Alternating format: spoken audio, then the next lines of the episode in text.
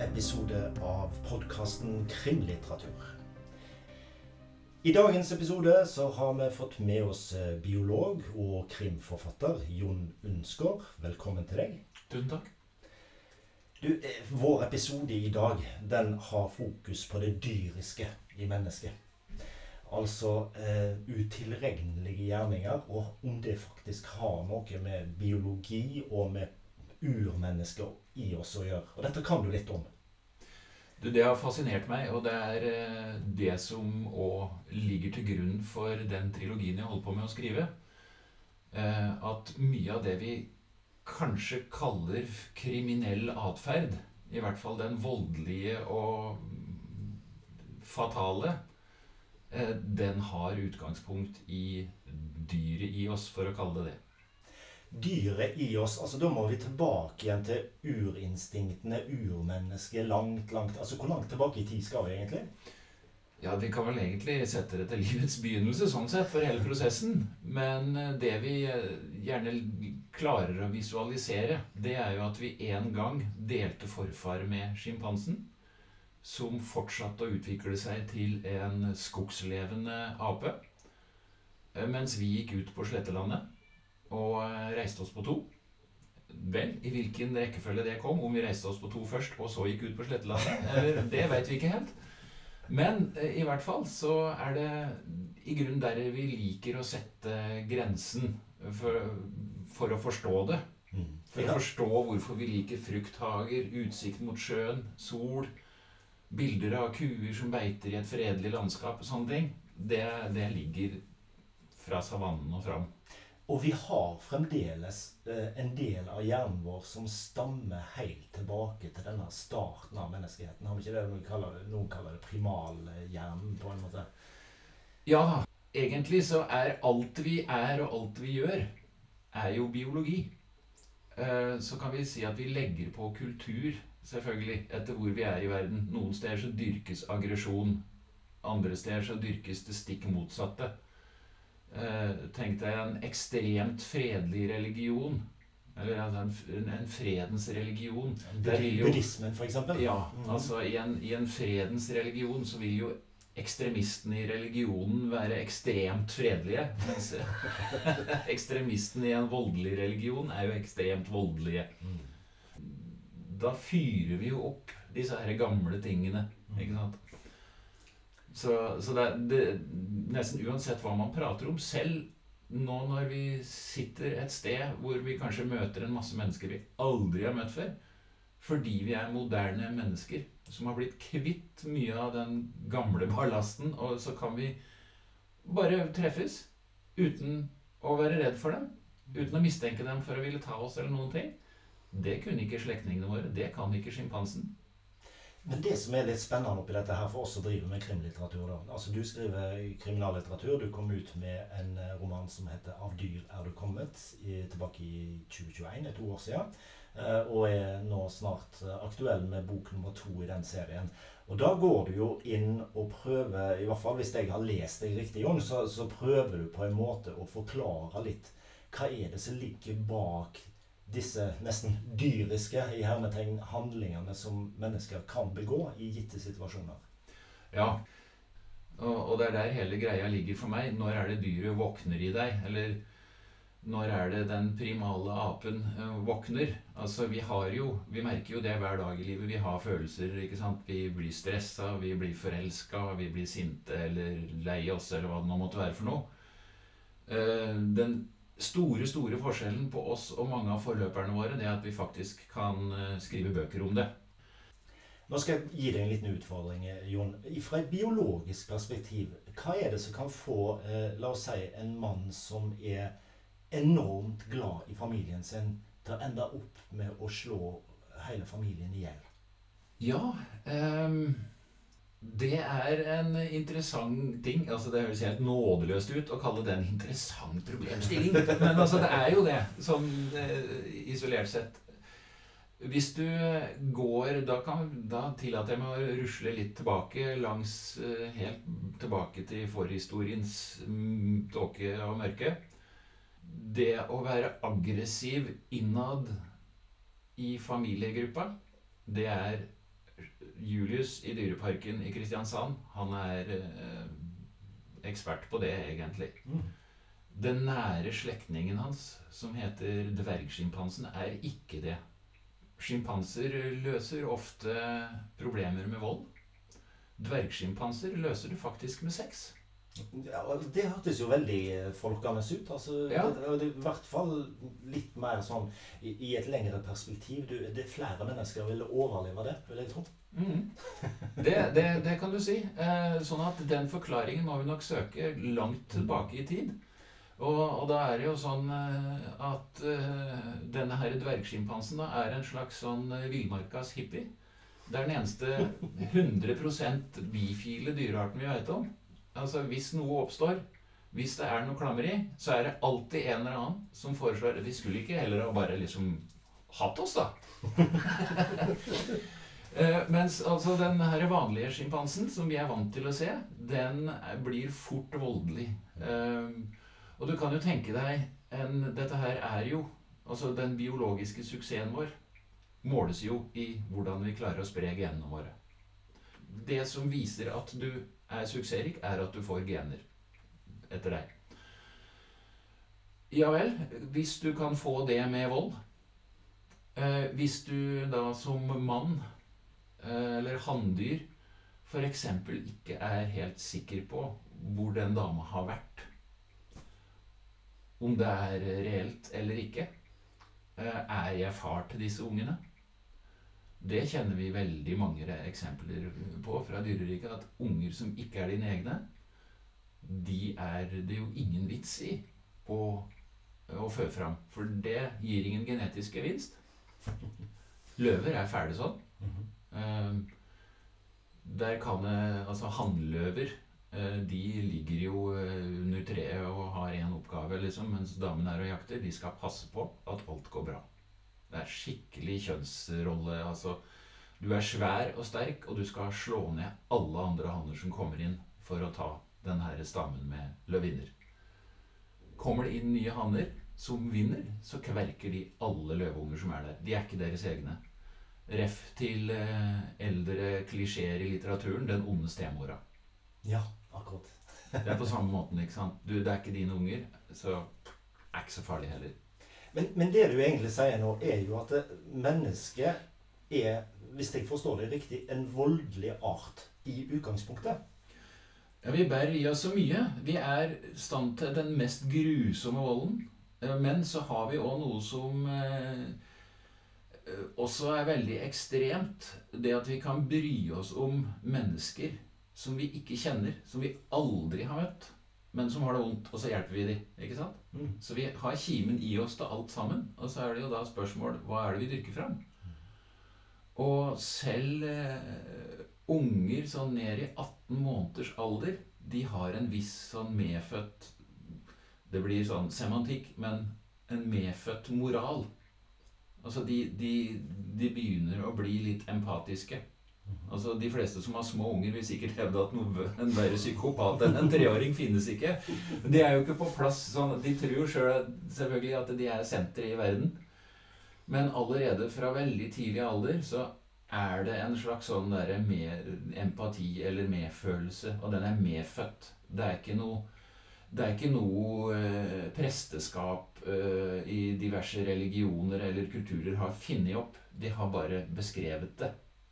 Og da, da er vi inne ved kjernen ved dette her. For dette, jeg, jeg lovte jo det i starten. Vi skulle se litt på det der med å være utilregnelig i gjerningsøyeblikket.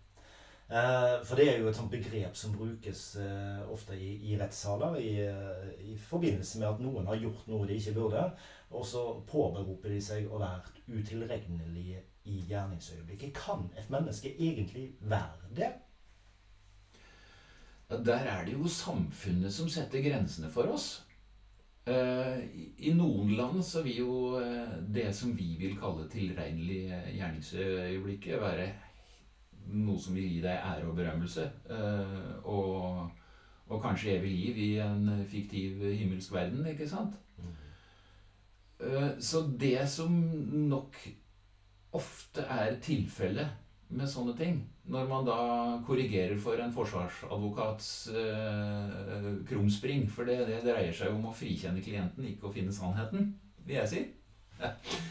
Men det er jo at du Når noe voldsomt skjer, eller du oppfatter at noe voldsomt skjer, eller du må løse et pro pro problem som er skikkelig kritisk, så tenker du i anførselstegn ikke.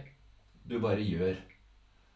Og tenk på det som da har utvikla oss, som er et beinhardt liv i millioner av generasjoner, faktisk. Så har det utvikla seg strategier for å takle ting. Altså Man kan jo tenke på eh, La oss si at noe kommer mot, mot oss gjennom lufta. Altså en snøball eller et eller annet som plutselig kommer forbi. Nå sitter jeg og gestikulerer, det er veldig god podkast, Men eh, altså så, så, blunker du, eller snur deg vekk, eller løfter opp armene. Det er jo en sånn nedarva reaksjon. Da er du faktisk utilregnelig i det gjerningsøyeblikket òg. Ja, for det er en refleks. Det er en refleks. Mm. Og så får du en eh, hendelse mot deg. Et eller annet skjer, og så gjør du noe. Så det vil jo si at uh, enhver handling begått med refleks kan du påberope deg eh, å være utilregnelig i uh, gjerningsøyeblikket. Spørsmålet er hvor gjennomtenkt den refleksen er. ja. Jeg vet ikke om resonnementet ditt holder i retten, men det er, Nei, altså, jeg likte den ikke. Jeg sier bare slo den ned. Altså, det, det, er litt sånn Altså, mm. selvfølgelig. Eh, på savannen. Kan godt hende det at han der eklingen i nabostammen som var inne for å prøve seg på noen av de lokale damene, han syntes det var så ekkelt at du slo den i munnen. Um, og ja, det var bra, sier de andre gutta, så er vi ferdig med det. Den går ikke i Norge i dag. Nei, den gjør vel ikke det. Men, det, men jeg syns jo dette her er fascinerende med, med dyret i oss. fordi at det bor jo i oss. Vi har på en måte sivilisert oss bort ifra det. Men, men, det er jo fremdeles en del av kjernen i oss, disse dyriske instinktene.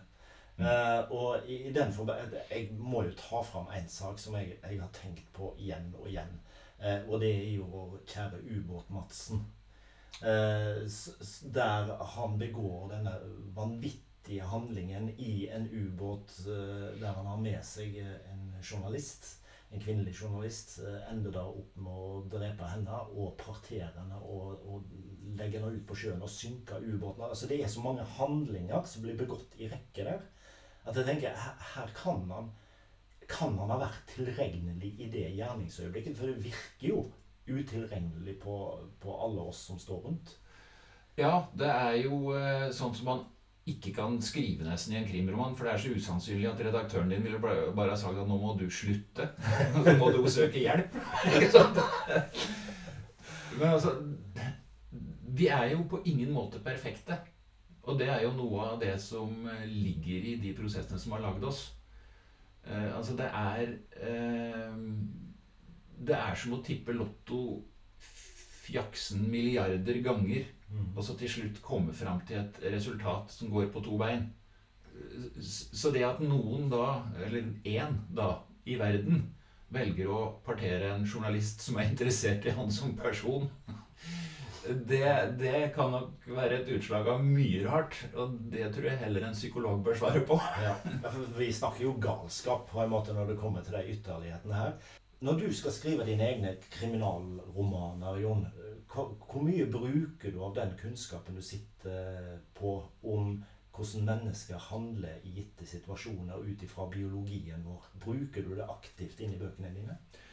Hele tida, vil jeg si. Eh, det gjennomsyrer i grunnen eh, både den boka som har kommet, den som nå eh, svever over vannene som ferdig manus og blir bok i løpet av kort tid, og det kommer til å gjøre det i den siste boka hele veien bak så ligger eh, den biologien. Og, og, mye av det som også skjer i sånne settinger, det er jo noe som alle dyr er flinke på. Men som vi er pervers. Vi er jo perverst vanvittig intelligente. Så hos oss så tar jo alt fullstendig av. Men det er å vurdere cost-benefit. Mm. Hva koster det meg, og hva får jeg? Det holder alle dyr på med. Vi òg og da kommer vi jo inn på det med læring og sånn. Altså du har lært deg at noe funker, og så gjør du det eh, ut fra det at du har lært noe, så gjør du noe, og så får du en gevinst, eller du taper, og så tenker du Nei, dette er ikke noe vits i at jeg gjør igjen. Og så kommer det da inn i vurderingen Hva er kriminelt? Hva vil jeg gjøre? Ikke sant? Eller Nei, jeg blåser i det. Altså, jeg slår, eller jeg eh, gjør noen handler som ikke er helt korrekte og stuereine. Og så går det av og til gærent.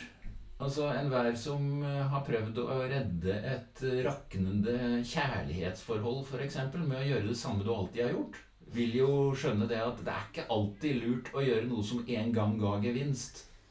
Uh, det er jo sånn Den første lov om hull er jo hvis du befinner deg nede i et hull du ikke kommer ut av, så slutt nå i hvert fall å grave, da. Ja, det er sant nok. Og nå har vi gravd oss langt ned i et kaninhull her. Har vi ikke det? Ja, men meg og deg jo, vi er eksperter på det. Eh, jeg vil jo si, Hvis jeg skal oppsummere noe, noe av det du har sagt i dag For det første, du, du har kommet ut med en kriminalroman som heter 'Av dyr er du kommet'. Den følger du opp med nå om ikke så altfor lang tid med 'Til dyr skal du bli'. Stemmer det? Det stemmer. Da, da gjetter jeg på at den tredje boka i trilogien heter 'Og av dyr skal du atter gjenoppstå'. Ja. Eh, jeg, jeg, liker eh, det konseptet, og det er nok litt eh, fordi jeg er mer opptatt av fakta enn fiksjon. Altså har jeg da valgt luthersk gravferdsliturgi for å knytte det opp Det som er min idé her i livet, da. Og knytte krim opp mot fakta. Jeg begår fordi det er krim. Og nå skal jeg være skikkelig kjepphøy. Eh, det var som eh, Dan Brown sa da han hadde utgitt eh, Da Vinci-koden. Og det begynte å danne seg kirkelige nettsider over hele verden hvor folk ble anbefalt å ikke tro på Dan Brown og Da Vinci-koden. Så gikk han ut og sa at nå må dere skjerpe dere. Det er en krimroman. Det er ingen faktabok. så jeg er litt der. Så jeg tillater meg noen ting. Men hvis jeg på en eller annen måte kan få folk til å bli nysgjerrig på hva vi er for noe, mm. og hvor vi stammer fra, eh, og se oss sjøl litt utenfra der eh, Hvis jeg får til det, så er jeg happy, og, og håper jo at selve krimgåtene er interessante i seg sjøl. Det er veldig viktig å få sagt. Det er ofte en fordel når du skriver krim, at det faktisk er sånn. Ja, jeg skal prøve å ikke avsløre at det er hovmesteren som gjorde det i første kapittel, og så ikke avslutte med alle var enige om at det hadde vært en fin tur. alle har i hvert fall vært enige om at dette var en interessant samtale, eh, der vi har snakket om dyret i mennesket. Eh, hva er det for noen urinstinkter i oss som kan føre til at du begår bestialske drap? Mm. Jeg vet ikke om du satt på alle fasitsvarene, Jon, men, eh, men du hadde iallfall noen innspill som fikk meg til å tenke litt lenger. Ja, nei, det, det, er det som er så moro, at uh, man har ikke alle fasitsvarene. Men man kan uh, tenke seg litt uh, om via fakta. Og vi biologer sitter jo òg med lange øyer bort på psykologene gjennom et fag som heter evolusjonspsykologi. Mm -hmm. Og det er et fag som ofte kan være til hjelp for folk som har psykiske problemer. Hvis de skjønner 'hvorfor oppfører jeg meg sånn', så blir det litt lettere å takle. Det kan vi skrive under på. Jon Ønskår, tusen takk for at du tok deg tid til å snakke med krimlitteratur. Eh, dagens podkast er over. Jeg eh, håper at du følger oss på krimlitteratur.com. Der kommer det stadig nye nyheter eh, om stått, stort og smått i krimlitteraturverdenen. En av de største krimforfatterne i Norge er jo Jon Unskår, sier du sjøl. Ja, eh, det kan jeg, men bokstavelig talt hvis tyngde sier. Jeg er nesten to meter høy og veier 0,1 tonn, så det Det kan jeg si. så med ordene til en av Norges største eh, krimforfattere, Jon Unsgaard, så sier vi takk for i dag, og velkommen til neste episode om en ukes tid.